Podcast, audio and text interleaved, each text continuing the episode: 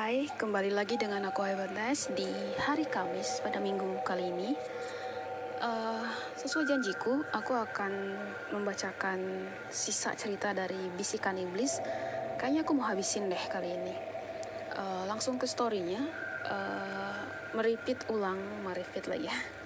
Mengulas ulang cerita minggu lalu bahwa saat dia, uh, dia mencoba masuk kamar salah, salah satu kamar papanya yang terlarang di uh, rumah tersebut. Dan anehnya pada waktu itu kamar itu dibuka gitu aja gitu di saat papanya lagi nggak ada kan. Tanpa membuang waktu setelah saat dia ada di dalamnya dia mengamati setiap detail kamar ini. Banyak topeng anggon dari barong sampai urukan banyak keris terpajang di atas meja, lengkap dengan kemenyan yang dibakar di atas bak tanah liat kecil. Namun, dia terfokus menatap satu titik. Ada keranjang bayi yang diselimuti oleh kain yang digunakan oleh ibu Jawa.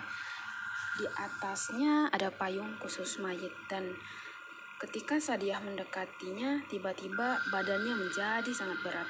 Berat sekali, seperti ada yang naik di atas punggungnya. Saat itulah dia sudah tidak sanggup lagi untuk mengangkat beban tubuhnya. Tiba-tiba tercium aroma yang sudah lama dia lupakan. Bau seekor kambing. Maka dia berbalik, mengamati sesuatu yang sedari tadi mengikutinya. Terkejut, dia melihat sosok jangkung dengan bulu hitam lebat. Tangannya bengkor, tak berjari, matanya merah menyala dengan hidung melesak keluar. Di kepalanya ada tanduk kecil. Ia berdiri seperti tengah mengamati dia yang membuat dia mematung ngeri. Caranya bergerak seperti penari jaipong dengan kepala miring ke kiri dan ke kanan. Ketika ia bersiap mencengkram, Sadia, pintu terbuka dan Pak Wanto berteriak dengan keras. Jangan anak sulungku, kata Pak Wanto. Suaranya bergetar marah dan Sadia jatuh pingsan. Sadiah terbangun di dalam kamarnya, masih setengah sadar, ia mendengar suara yang entah dari mana datangnya. Lirih dan seperti putus asa, sampai dia sadar bahwa di hadapannya berdiri pocong tepat di depan wajahnya. Pocong itu adalah Mbok Sartem. Mbok Sartemlah yang sedari tadi berteriak minta tolong namun Sadia ketakutan setengah mati melihat langsung dua makhluk yang wujudnya tidak pernah Sadia bayangkan. Membuat dia sampai berpikir lebih baik ya pingsan lagi. Dan harapannya terwujud karena sekarang yang ada di hadapannya adalah papanya. Pak Wanto yang tengah menatap dia dengan wajah penuh amarah sembari mengangkat sesuatu yang dia kenal.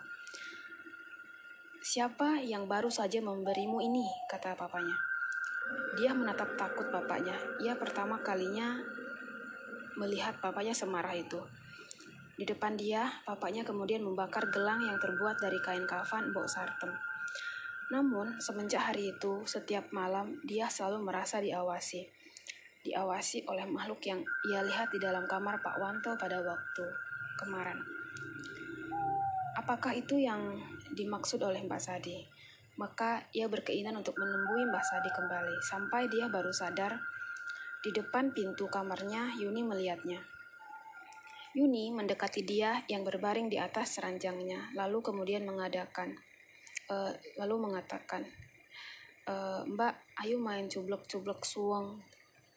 Dia hanya diam, ia tidak tahu harus menjawab apa. Permainan ini mana bisa dimainkan hanya oleh dua orang. Gak bisalah Yun, main itu Memang gimana caranya? Kenapa nggak bisa mbak? Kata Yuni. Siapa lagi yang main kalau berdua? Mana bisa? Yuni menunjuk Sadia. Itu ada Atun sama Rina di samping mbak. Maka malam itu ia menemani Yuni berpura-pura ikut bermain yang entah bagaimana caranya ia merasa Yuni seperti benar-benar merasa ada Atun dan Rina, dua adiknya yang sudah meninggal terlebih dahulu. Semenjak saat itu, dia merasa semakin lama semakin semuanya semakin aneh. Jam satu dini hari, nanti akan jadi akhir cerita ini. Meski kain kafan yang diberi oleh Mbah Sadi sudah dibakar oleh Pak Wanto, namun Sadia masih merasa bahwa sesuatu tetap mengawasinya.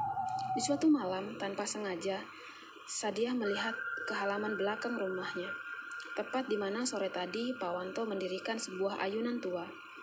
Ia melihat bapaknya, Pak Wanto, tampak berdiri sendirian, menyendiri menatap ayunan. Di depannya yang tengah bergerak-gerak tanpa ada yang mendorongnya. Penasaran, Sadia mendekat ke jendela. Dilihatnya lebih jeli, apakah matanya tidak salah melihat hal itu? Mengikuti naluri penasarannya, Sadia berjalan turun, berharap bisa mendekat mencari tahu apa yang bapaknya lakukan di sana. Sampailah ia di dapur rumah, tepat di mana jarak antara dirinya dan Pak Wanto tidak begitu jauh. Di sana ia mendengar Pak Wanto tampak sedang berbincang. Yang jadi masalahnya tidak ada siapa pun di sana, kecuali Pak Wanto dan ayunan yang bergerak dengan sendirinya. Sampai dia dikejutkan dengan suara familiar yang ia kenal. Atun pulang ya kak. Kaget dia melihat Yuni sudah berdiri di belakangnya. Atun bingung, dia mengulanginya. Ya kak, itu lihat ada ibu juga sama Rina di sana. Dia tidak mengerti apa yang terjadi di dalam keluarganya. Apakah hanya dirinya yang tidak bisa melihatnya sampai ia mengingatnya? Yun, kata dia. Iya kak, kamu pernah lihat gak ada manusia wajahnya menyerupai kambing, tinggi, berbulu hitam, dan kepalanya ada sepandang tanduk? Yuni mengangguk. Adik, ucap Yuni, serayanya menunjuk dia. Diam terdi, diam terdiam, mencoba mencerna maksud perkataan Yuni. Adik? Sampai dia baru sadar. Yuni tidak menunjuk dirinya, namun ia menunjuk sesuatu di belakangnya. Sosok yang dia bicarakan rupanya sedari tadi berdiri di belakang dia. Yang ia ingat kemudian, dia merasa sentakan kuat mencengkram lehernya, menghantamkannya ke lantai. Suara terakhir yang ia dengar adalah suara Pawanto berteriak marah dan mengatakan, Jangan anak pertamaku, jangan, kata Pawanto. Lalu semuanya menjadi gelap. Andi usianya belum genap 13 tahun saat kejadian ganjil itu terjadi di kampungnya.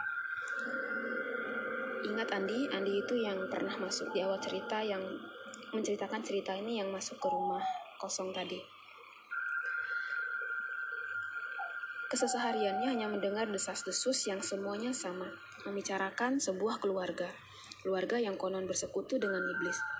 Hal itu terjadi saat berita kematian Yuni sekali lagi, menjadi pembicaraan kampungnya.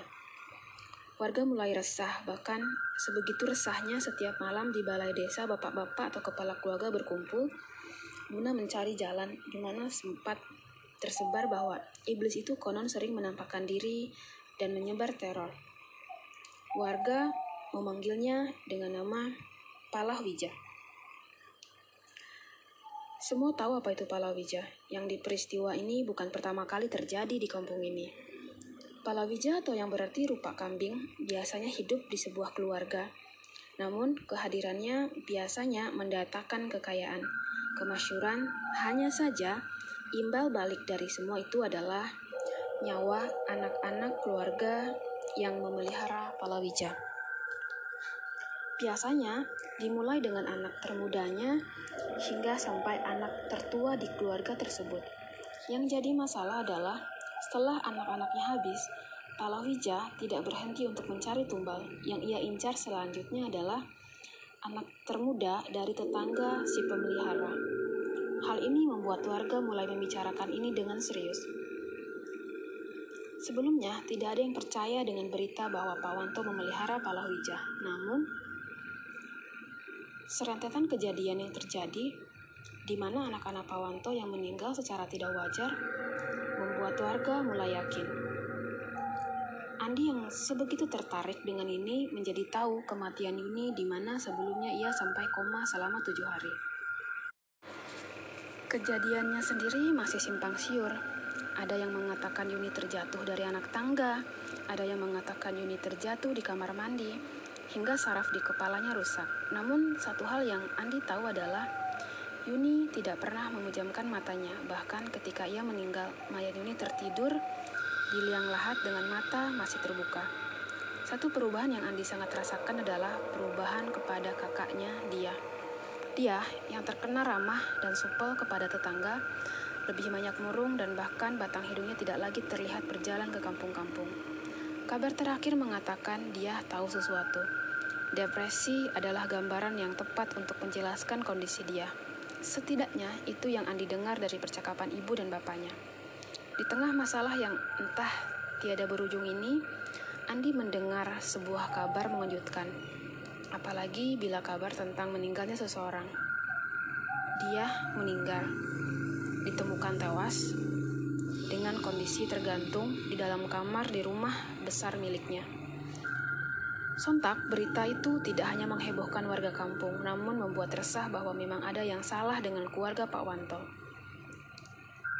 Mengerikannya kisah ini adalah Pak Wanto sama sekali tidak menunjukkan ekspresi sedih, bahkan ada yang pernah melihat Pak Wanto tampak tersenyum, melihat jasa anaknya yang seharusnya menjadi satu-satunya yang ia jaga. Namun, berakhir dengan kematian yang tragis. Empat kematian yang semuanya menyimpan teka-teki, warga kampung sehingga meyakinkan warga untuk mengusir Pak Wanto yang tidak terbendung. Hanya saja warga masih diseliputi rasa ngeri. Karena kabarnya Pak Wanto menunjukkan gelagat tidak takut sama sekali dengan sikap warga yang menolak keras-keras untuk hidup berdampingan dengan wanita yang dengan manusia yang menyekutukan Tuhan. Ada ke kejadian aneh yang mulai bermunculan. Salah satunya adalah konon setiap jam menunjukkan pukul 12 malam, Terkadang warga melihat seorang wanita melintas di jalanan kampung. Sosoknya menyerupai sosok yang familiar, yaitu warga melihat Sadia. Yang menakutkan dari sosok yang menyerupai Sadia adalah cara jalannya yang seperti cara pejaran orang yang kewalahan menahan kepalanya. Seolah kepalanya akan jatuh sewaktu-waktu. Dan setiap didekati warga, sosok ini akan menghilang dan meninggalkan suara menangis. Setiap hari muncul cerita-cerita baru yang mengaku bahwa ia melihat Sadia berjalan di depan rumahnya. Terkadang Sadia berhenti di depan rumah seperti memperingatkan. Puncaknya adalah di sebuah rumah di mana baru saja lahir bayi kecil, Sadia setiap malam datang ke sana. Sosok Sadia akan mengetuk pintu rumahnya dan, dan bila dilihat dari jendela, wajah Sadia akan terlihat di depan rumah berdiri sendirian tengah di tengah kegelapan malam. Namun, ketika pintu dibuka, sosok itu lenyap entah ke mana. Hal ini membuat warga yang bersangkutan ketakutan. Mbah Sadilah yang pertama memperingatkan agar senantiasa menjaga bayi kecil itu. Karena kemunculan Sadiah bisa menjadi sebuah pertanda, pertanda yang kemungkinan sangat buruk. Di malam yang tak keberapa, ibu dari bayi kecil itu tidak bisa tidur akibat bayi kecil di sampingnya terus terjaga dan menangis. Menangis dan menangis terus-menerus. Si bapak sedang keluar dan tidak ada di rumah. Bayi itu menangis seolah ada sesuatu yang menunggunya. Sampai terdengar ketukan. Ketukan itu membuat si ibu kebingungan. Tidaklah mungkin bertamu di rumah orang tengah malam seperti ini. Awalnya ia mengabaikan ketukan itu, namun semakin lama ketukan itu semakin keras.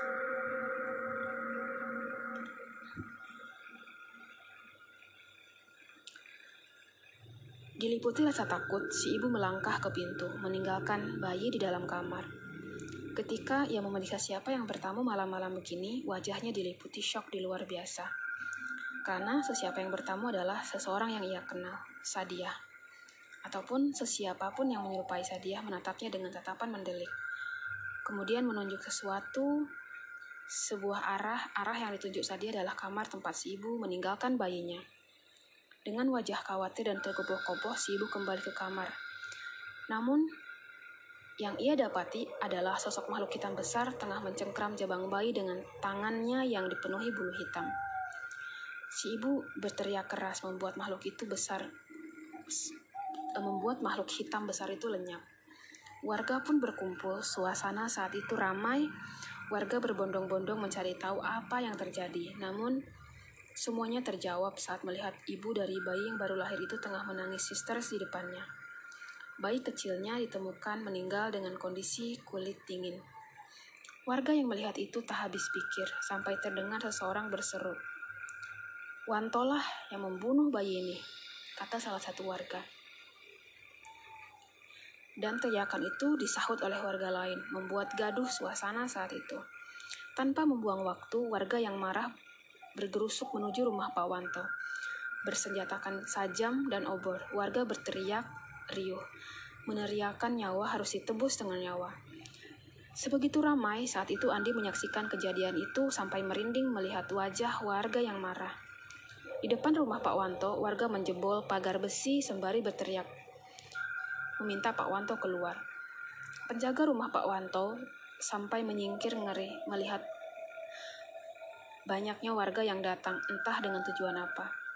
Andi ingat betul, Pak Wanto keluar dengan tampang biasa aja. Yang pertama Pak Wanto lakukan adalah bertanya apa yang terjadi dan kenapa warga bertamu ke rumahnya malam-malam seperti ini. Saat itulah seorang dari warga menceritakan apa yang terjadi. Namun Pak Wanto tidak membantah sedikitpun ucapan warga itu. Sebaliknya, Pak Wanto malah menantang warga bahwa tidak ada yang bisa mereka lakukan. Ucapan itu membuat warga semakin gusar. Teriakan kemarahan terdengar di sana-sini. Andi menyaksikan kejadian itu, di mana Pak Wanto disabit oleh sebelah parang tepat di bahunya oleh seorang warga.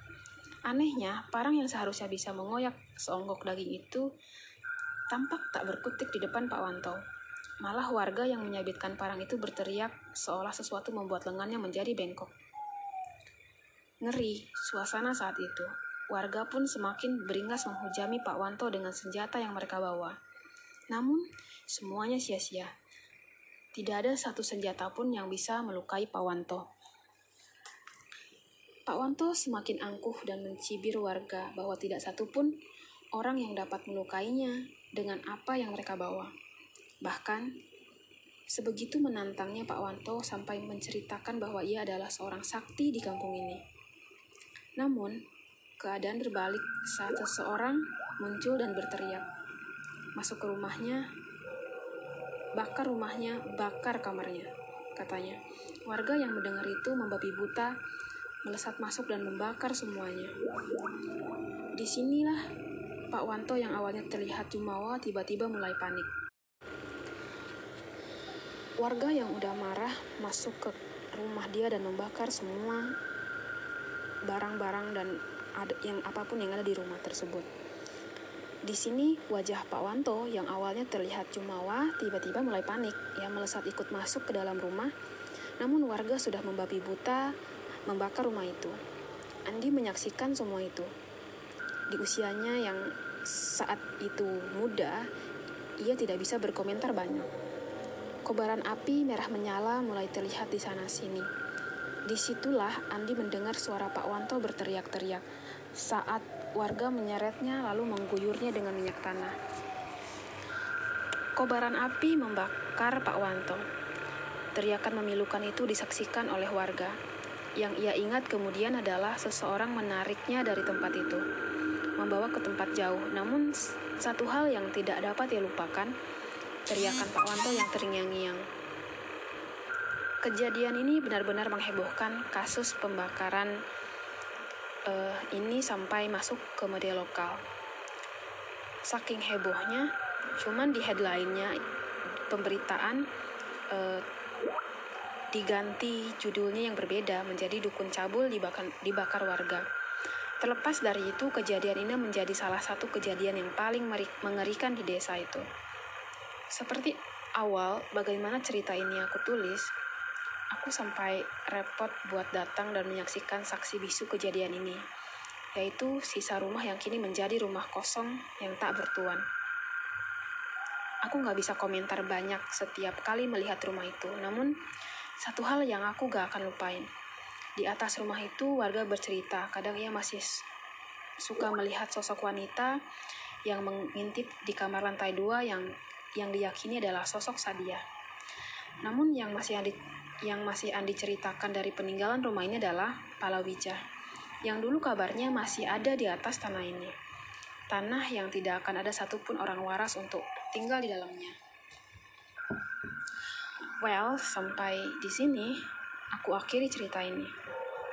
Serius, dulu aku ngeri-ngeri sedap setiap kali ingat waktu Andi ceritakan cerita ini. Dan untuk plot story-nya, Andi bercerita dengan gaya sepotong-sepotong, namun aku buat ulang dengan penyusunan cerita yang lebih terurut agar pendengar bisa tahu kondisi kejadian dari gaya bahasa penulis. Meski begitu, aku selipkan beberapa kejadian dengan mengambil intisari, kengerian, dan ketakutan yang Andi rasain dari semua keluarga Pawanto. Untuk nama tokoh sendiri, itu bukan nama aslinya, karena aku gak mau menggunakan nama asli mereka, meski cerita ini diambil dari kisah nyata mereka. Sampai saat ini, rumahnya masih berdiri. Meski sudah sangat mengenaskan, di dekat rumahnya sendiri sudah dibangun wahana wisata kolam renang jadi wilayah itu lebih ramai. Meski begitu, suasananya masih mencekam dan masih sangat terasa kental. So, finally, cerita Bisikan Iblis episode terakhir aku tutup sekian. Uh, semoga bermanfaat. Diambil sisi positifnya, buang sisi negatifnya. Yang pasti apa pun itu bentuknya, kita harus sadar bahwa kita memuja hanya Tuhan kepada Tuhan semata. Sekian dan terima kasih.